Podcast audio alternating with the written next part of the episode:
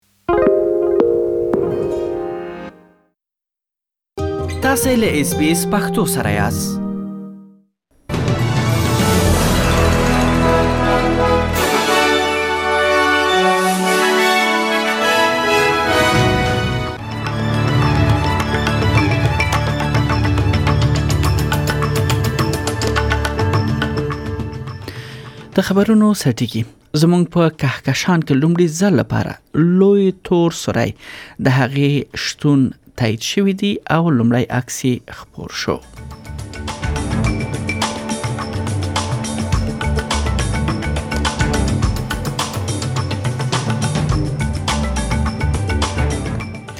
نړیوالې ټولنې یو ځل بیا پر طالبانو فشار اچولی دی چې په افغانستان کې د ښځو حقونو ته د دوی درناوی وکړي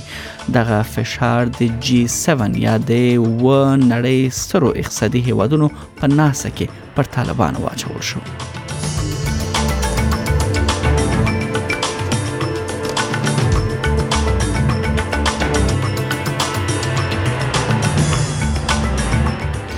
بل خو بریتانیا ویل دي چې طالبان له کړکېچه د افغانستان د ایستلو وړتیا نه لري او بل نړیوال خبر دا دی چې د نیوزیلند لومړی وزیر جسند ارډن په کورونا وایرس باندې اخته شوې ده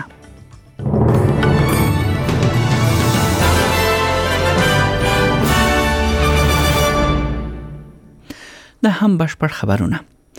زمونږ په کهکشان کې دومره لرې نه ستوروپوهانو زمونږ د ملکی وی په منځ کې د یو لوی تور سوري لومړی عکس اخیستی دی او دا یې خپور کړ د ځمکې څخه شاوخوا و سلیری زره نوري کال لرې موقعیت لري نوم یې سجټریس ای دی او د لمر وزن سلور میلیونه ځله لوی دی دا عکس چې د پیښې افق تلسکوپ لخوا تولید شوی دی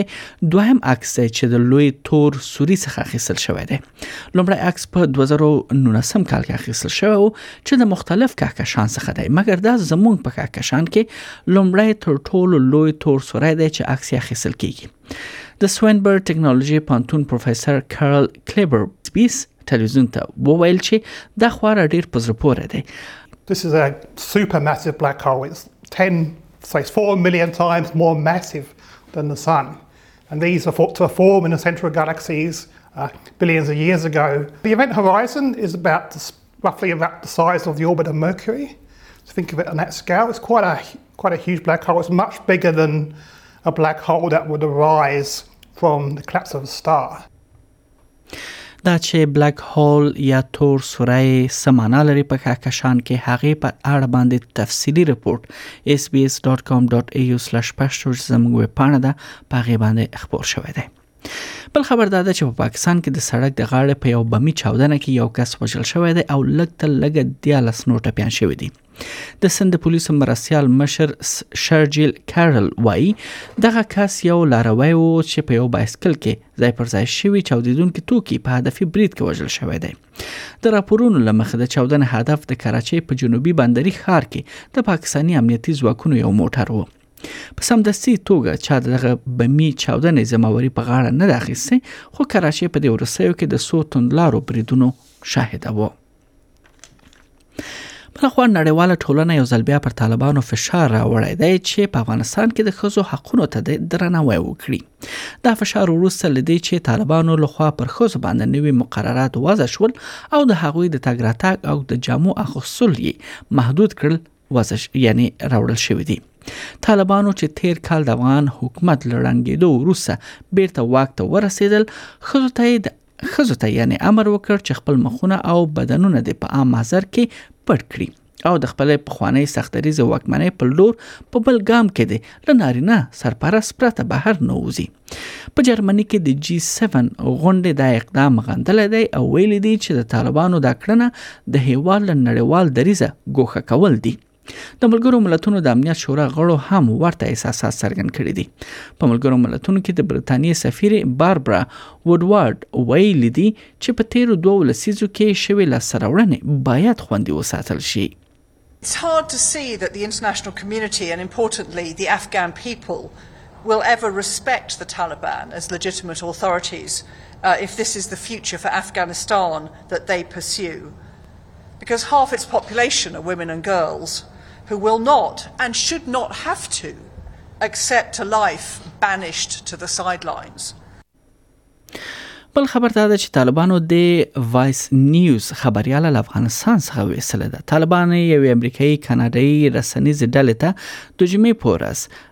امر کړی دی چې سمدستي له افغانستان څخه ووځي او دغه لویدیزه رسنۍ یې د ښځو د حقونو په اړه د ناسمو رپورټونو په خپرولو تورنه کړې ده د وایس نیوز خبريالې چې اصلي مقر یې د امریکا په نیویارک ښار کې دی ویل دي چې طالبانو موږ ته خبر راکړی دی چې هغوی مونږ یعنی د فلم اخیستلو اجازه مونږ ته نه راکوي او هغه یعنی طالبانو ته اشاره کوي چې مونږ ته امر کړی دی چې خپل هوټل څخه ونوزو او هم سمدسي له افغانستان څخه ووزو هغه د خزو د حقونو او هم امنیتي اندېښنو په اړه زمونږ په رپورت کې مشکلاتو ته اشاره کړې ده مېرمن یونګ په خپل رسمي ټوئیټر پاڼه دا ناسم رپورت دی برابرولو په حق د طالبانو تور ته په اشاره لیکلي دي چې دا واقعیت نه لري مونږ تل خپل یعنی ناپلیتوب ساتلی دی او هیڅ کله مونږ نه دی غوښتي چې د خپل رپورت په اړه شواهد یعنی داسې رپورټونه وړاندې کړو چې شواهد ونه لري را بشو استرالیا ته د استرالیا فدرالي ټاکنو د کمپاین ورسې ونې کې د لیبر ګوند د درملنې او محلي روغتیا تمویل لپاره د 900 او 1 میلیون ډالرو د پانګونې ژمنه وکړه. په پالیسۍ کې 250 میلیون ډالر به د طبي پاملرنې نوي پیاوړي کولو کاري ځواک یعنی په دې کې شامل وي ترڅو کورني ډاکټرانو یا جی پی ته د ناروغانو لاسرسي اسانه او ښه کړي بلخوا پر روغتونونو باندې فشار باید لمدغو پیسو تمویل څخه کم شي او د پیچلو او اوږدمهاله ناروغیو ناروغان ښه اداره شي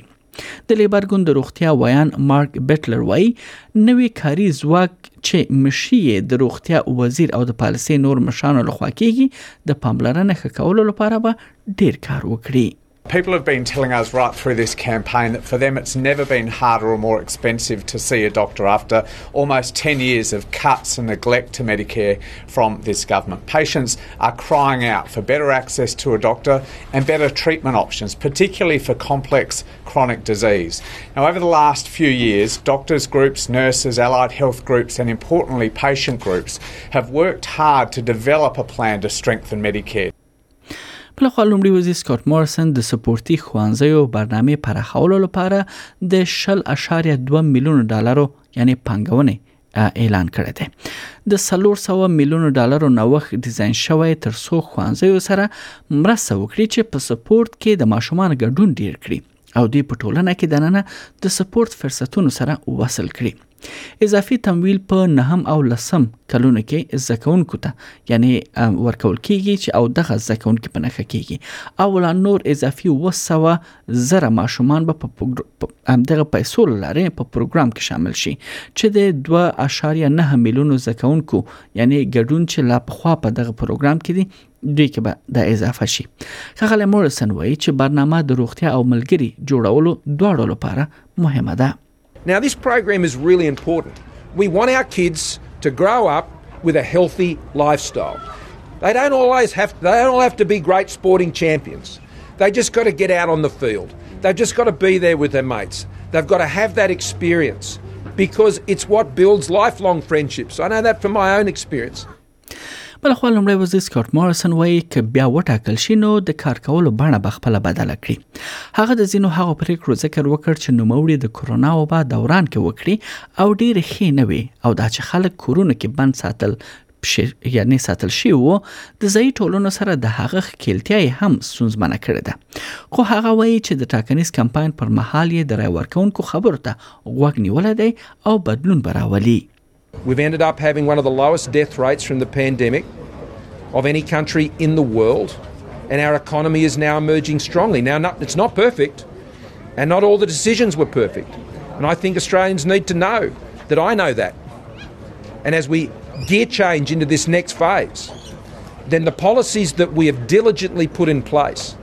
our understanding of the economy and how it works. People know I'm not loose with the economy. People know that I'm not a loose unit when it comes to the economy.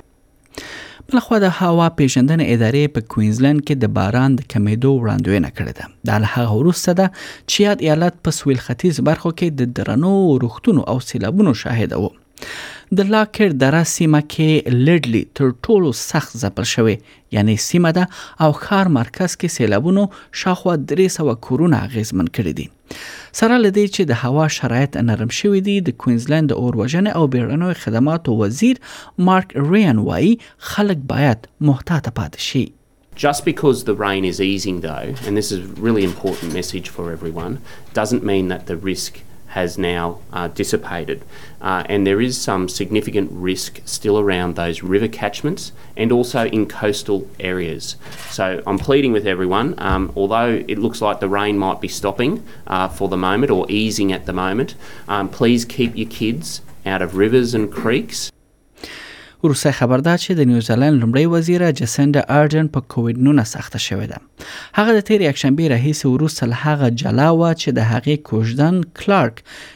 کیفورد هم په وایرس اخته شوی و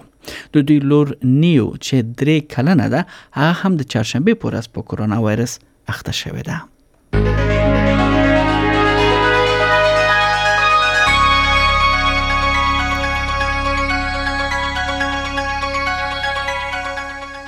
د هم د اصلي ډالرو پر وړاندې د زونو بهرانه اسعارو به په نړیوالو مارکیټونو کې یو اصلي ډالر 0.98 پیته امریکایي سنټه صفر اشاریه شپږ شپېته یورو سنټه یو اصلي ډالر یو شپېته افغاني روپۍ یو سلو درې دېرش اشاریه څلور پنځوس پاکستاني روپۍ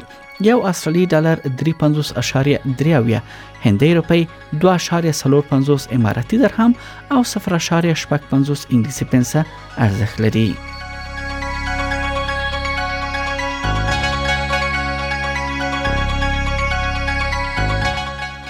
د هم د استرالیا د ځینو ښارونو نن لپاره د تودوخه تر ټولو لوړه درجه هغه هم د سانتیګریډ په کچه سیدنی کې هوا لمریز ده لوړه درجه شپږ ویش سانتیګریډ اټکل شوې ده په ملبن کې هوا باراني ده شل په برزبن کې هوا باراني ده درویش په پرت کې هوا باراني یویش په اډلیډ کې اسمان برګ دی 22 په هوبرټ کې هوا باراني 19 په کمبيرا کې هوا باراني ده 10 او په اخر کې ډاروین هلته اسمان برګ دی او د تودوخه تر ټولو لوړه درجه 40 سانتیګریډ اټکل شوې ده